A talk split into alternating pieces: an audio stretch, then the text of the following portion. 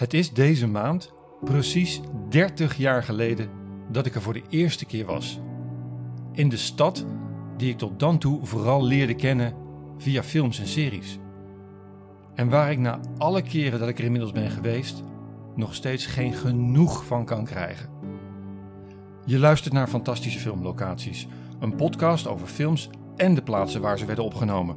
Je hoort verhalen over de locaties, over de films en de mensen die ze maakten. En ik ga je vertellen waarom ik het zo ontzettend leuk vind om filmlocaties te bezoeken. Daarom deel ik mijn ervaringen met jou als luisteraar. Mijn naam is Jeroen Huisdens en in deze speciale aflevering neem ik je mee naar New York City.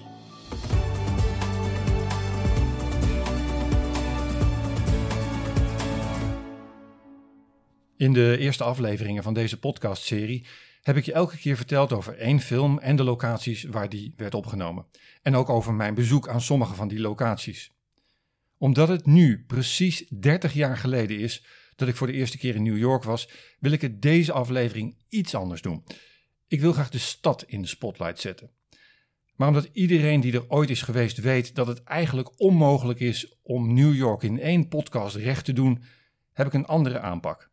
Ik heb vijf locaties geselecteerd waar ik heel graag kom. Elke keer als ik New York bezoek, wil ik die locaties ook opnieuw bezoeken. In deze top 5 verbind ik die plek met een film. Laten we eens beginnen. Op nummer 5 de oase van rust in de hectiek van alle dag. Central Park. Nou ja, oase van rust, dat zou je niet denken als je er soms doorheen loopt, want het kan er echt heel druk zijn. Maar ja, wat wil je ook? Volgens de parkdienst komen er elk jaar 42 miljoen mensen in Central Park. Aan de andere kant, het is een park van 4 kilometer lang en bijna een kilometer breed. Dus je zou zeggen, daar passen behoorlijk wat mensen in. Nou, gelukkig komen ze er ook niet allemaal tegelijk, moet je dan maar denken. In Central Park is het echt heerlijk toeven. Wandelen, hardlopen, fietsen, lekker niks doen en filmlocaties spotten natuurlijk, want die zijn er echt volop. Ik denk dat er geen plek is in Central Park waar geen film of serie is opgenomen. De meest herkenbare plek is toch wel de Mall, het centrale pad van de zuidkant van het park richting het noorden. En mijn persoonlijke favoriete plek ligt precies in het verlengde daarvan, Bethesda Terrace. En dan vooral het stukje dat je bereikt via de trappen en de onderdoorgang naar de fontein. Het is een plek met geweldige tegeltjes op het plafond. 15.876 tegeltjes om precies te zijn, verdeeld over 49 panelen. Niet dat ik degene ben geweest die ze heeft geteld hoor, laat dat even duidelijk zijn. Dat hele stuk in Central Park werd gebouwd op het moment dat Amerika zich in de burgeroorlog bevond. Dat kun je je eigenlijk niet voorstellen als je dat even tot je laat doordringen. In het stuk park werden echt heel veel films opgenomen. Je ziet het onder meer in One Fine Day met Michelle Pfeiffer en George Clooney, in Disney's Enchanted eh, en zelfs in The Avengers. In oktober 2015 was het de opnameplek van de slotscène uit John Wick Chapter 2. Het is een scène tussen Ian McShane en Keanu Reeves. En dat stukje film duurt vijf minuten, waardoor ook de locatie heel mooi in beeld komt. In die scène wordt trouwens heel subtiel verwezen naar de Matrix. Het is de film waar regisseur Chad Stahelski en Keanu Reeves elkaar leerden kennen. Stahelski was namelijk de stunt double van Keanu Reeves in die film. Winston, tell them. Tell them all. Whoever comes, whoever it is, I'll kill them. I'll kill them all. Course you will.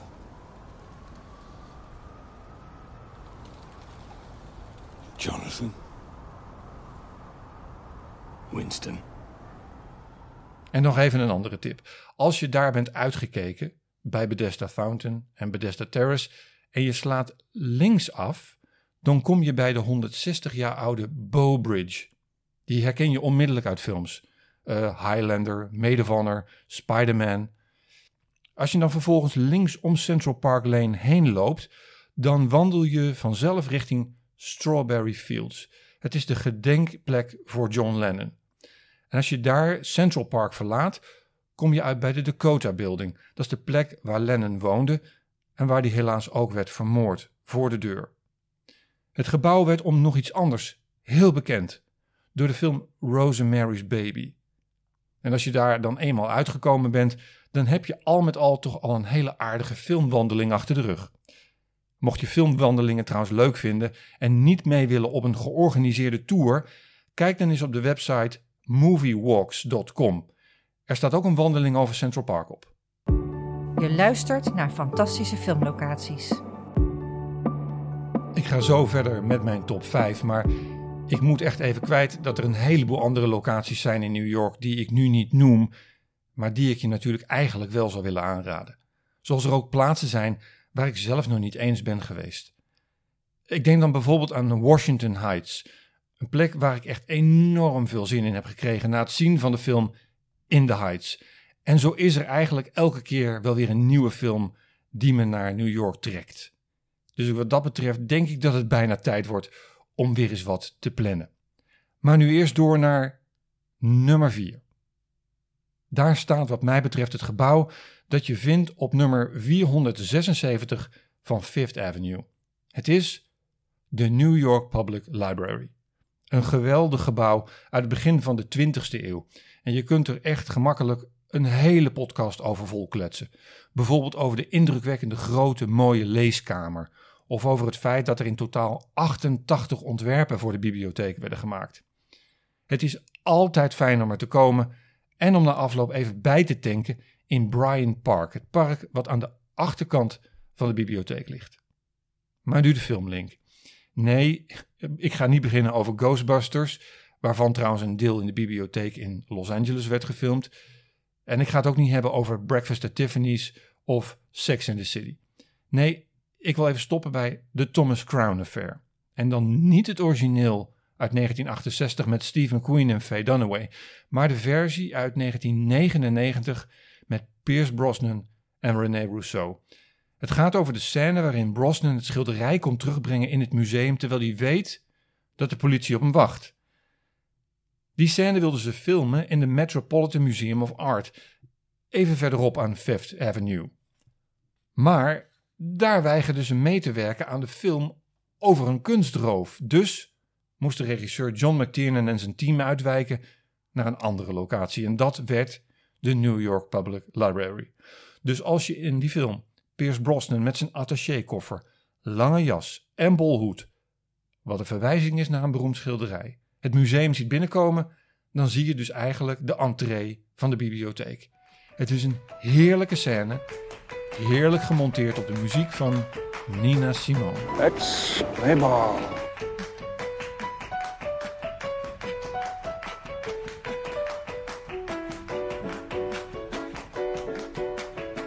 Oké, en dan komen we nu uit bij nummer 3. En dat is nog zo'n fantastische plek waar je je uren kunt vermaken. Het gaat om Grand Central Station, het werkelijk prachtige treinstation bij Park Avenue en 42nd Street. Als je daar voor de eerste keer binnenloopt, dan weet je gewoon niet waar je moet kijken.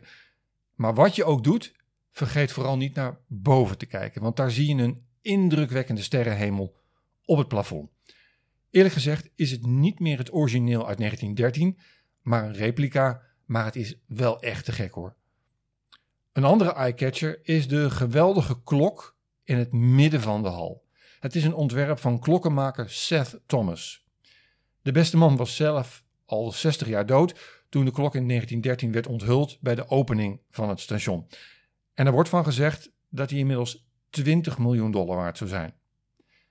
Een andere leuke plek in het station is de Oyster Bar, een bekend uh, restaurant met opnieuw een heel mooi en bijzonder plafond. Mocht je all the way willen gaan in Grand Central Station, dan kun je een hele goede uh, tour boeken. Ik zet de link wel even voor je in de notities bij deze podcast. En dan kan ik je in relatie tot films natuurlijk gaan vertellen over Carlito's Way met Al Pacino, of North by Northwest met Cary Grant, of Friends with Benefits met Justin Timberlake en Mila Kunis. Maar voor mij is Grand Central Station de dansscène uit The Fisher King. De film van Terry Gilliam met Jeff Bridges en Robin Williams. In het oorspronkelijke script draait het in die scène om Jeff Bridges die helemaal in de band raakt van een zingende dakloze vrouw in het station. Maar toen Gilliam er ter plekke was en de mensenmassa zag tijdens de spits, kwam hij op het idee om iedereen te laten dansen. Zo kon hij de verliefdheid van Robin Williams' karakter onderstrepen.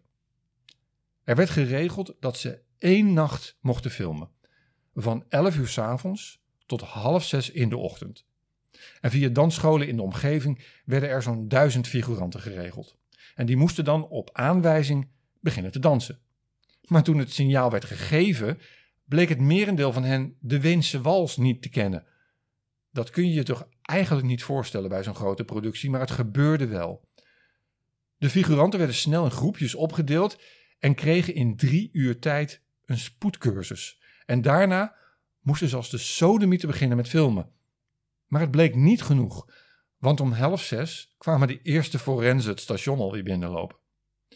Gilliam moest zich echt in allerlei bochten wringen om de laatste shots op te nemen, maar het lukte. Net. Ik raak elke keer weer ontroerd als ik de film zie en vooral die scène. Ook omdat het je doet beseffen dat het vreselijk is dat Robin Williams er niet meer is.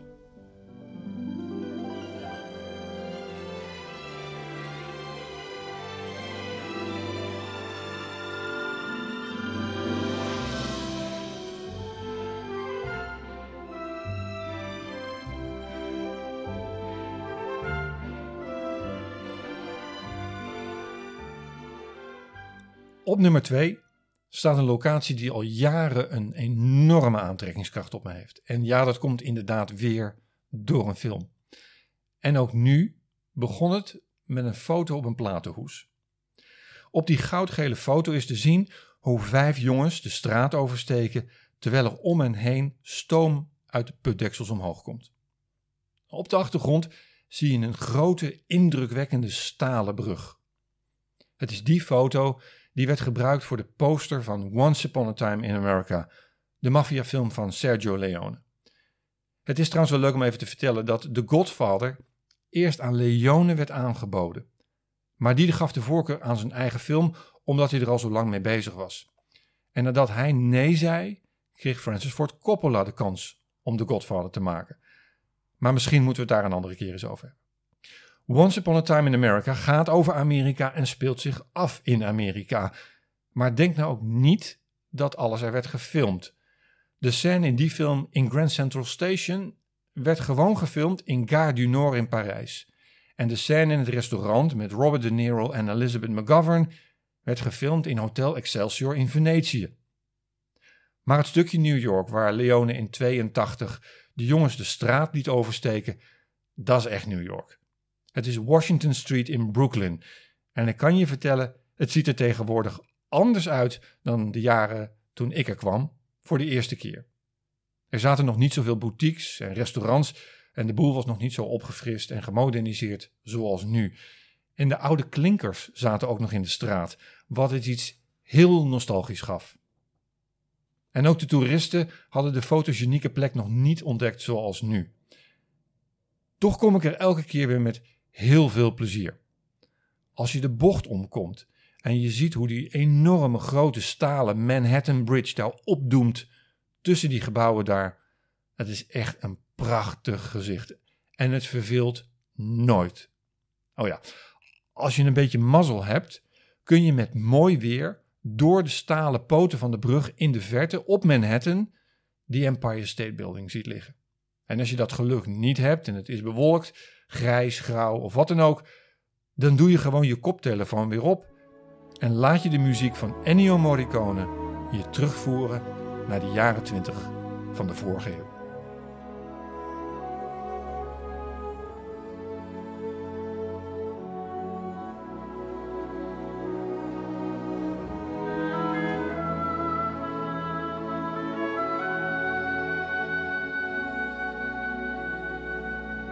Ga daarna nou niet direct weg, maar wandel door naar het einde van de straat. Dan loop je zo het park binnen tussen Manhattan Bridge en de Brooklyn Bridge. En ook dat deel is tegenwoordig helemaal gemoderniseerd. Je kunt er heerlijk wandelen en je hebt een geweldig uitzicht met de bruggen op Manhattan. Het is een van mijn favoriete plekken in New York en ik kom er zo ontzettend graag. Mocht je deze zomer trouwens New York bezoeken toevallig, weet dan dat er in dat park tot 25 augustus gratis filmvoorstellingen worden georganiseerd. Er zijn openluchtvoorstellingen en ze draaien onder meer Jurassic Park en Thelma en Louise. En dan is er nog één plek over. Er is één ding in New York dat ik altijd doe. Elke keer als ik er ben. En dat is een wandeling over de Brooklyn Bridge. De brug die Brooklyn en Manhattan al 139 jaar met elkaar verbindt. Of het in de ochtend is, smiddags of s avonds, het maakt me niet uit. Ik moet er elke keer overheen. Het is een wandeling van bijna 2 kilometer over de East River. En je wandelt dan over een houten pad dat als een soort yellow brick road naar een betoverende overkant leidt. En je wandelt tussen waanzinnig dikke kabels die samen een stalen web vormen alsof Spider-Man hemzelf het heeft gespannen.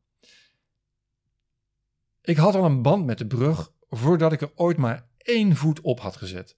En dat kwam, je raadt het al, door een film. En een boek in dit geval. Op de middelbare school moest ik voor mijn Engelse boekenlijst een thema kiezen. Ik koos voor boekverfilmingen en las daardoor Sophie's Choice, het boek van William Styron. En daarna zag ik voor de eerste keer de film. Ik was er echt kapot van. Van het boek, van de film en van het prachtige gedicht dat erin zit, van Emily Dickinson. Ample Make This Bed. Het is een aangrijpende film over de onmogelijke keuze die een moeder moet maken. Maar wat mij ook zo raakte, was de liefde voor de literatuur die ervan afspat. Er zit een scène in de film waarin Kevin Kline Meryl Streep en Peter McNichol meeneemt naar de Brooklyn Bridge in de avond. Hij heeft net het manuscript gelezen van de jonge schrijver Stingo. En hij ontkurkt een fles champagne, klimt op de rand van de brug in een lantaarnpaal en brengt een ode aan de grote schrijvers van Amerika en aan het jonge talent Stingo. Nou, mooier dan dat wordt het wat mij betreft echt niet. This bridge, in which so many great American writers have stood and reached out for words to give America its voice. We welcome Stingo into that pantheon of the gods, whose words are all we know of immortality.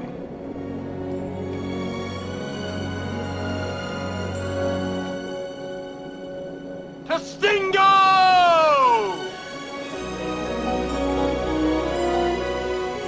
Toen ik de Brooklyn Bridge voor de eerste keer bezocht in 1992, was het er heel rustig. Alsof ik echt alle ruimte en tijd kreeg om de ervaring in me op te zuigen. Alle keren daarna was het echt vele malen drukker. En toen ik in 92 verwoed zocht naar de lantaarnpaal, kon ik hem niet vinden. Want er staan er namelijk wel wat op een rij en zo goed had ik me eerlijk gezegd niet voorbereid. Maar jaren later vroeg ik er mijn vriendin ten huwelijk. En je raadt het al, de Brooklyn Bridge heeft mij nooit meer losgelaten. Nou, dat was het weer voor deze keer. Je luisterde naar fantastische filmlocaties. Deze aflevering werd weer gemaakt door Jeroen Huisdens. En de muziek die je hoort is van Alex Savoska.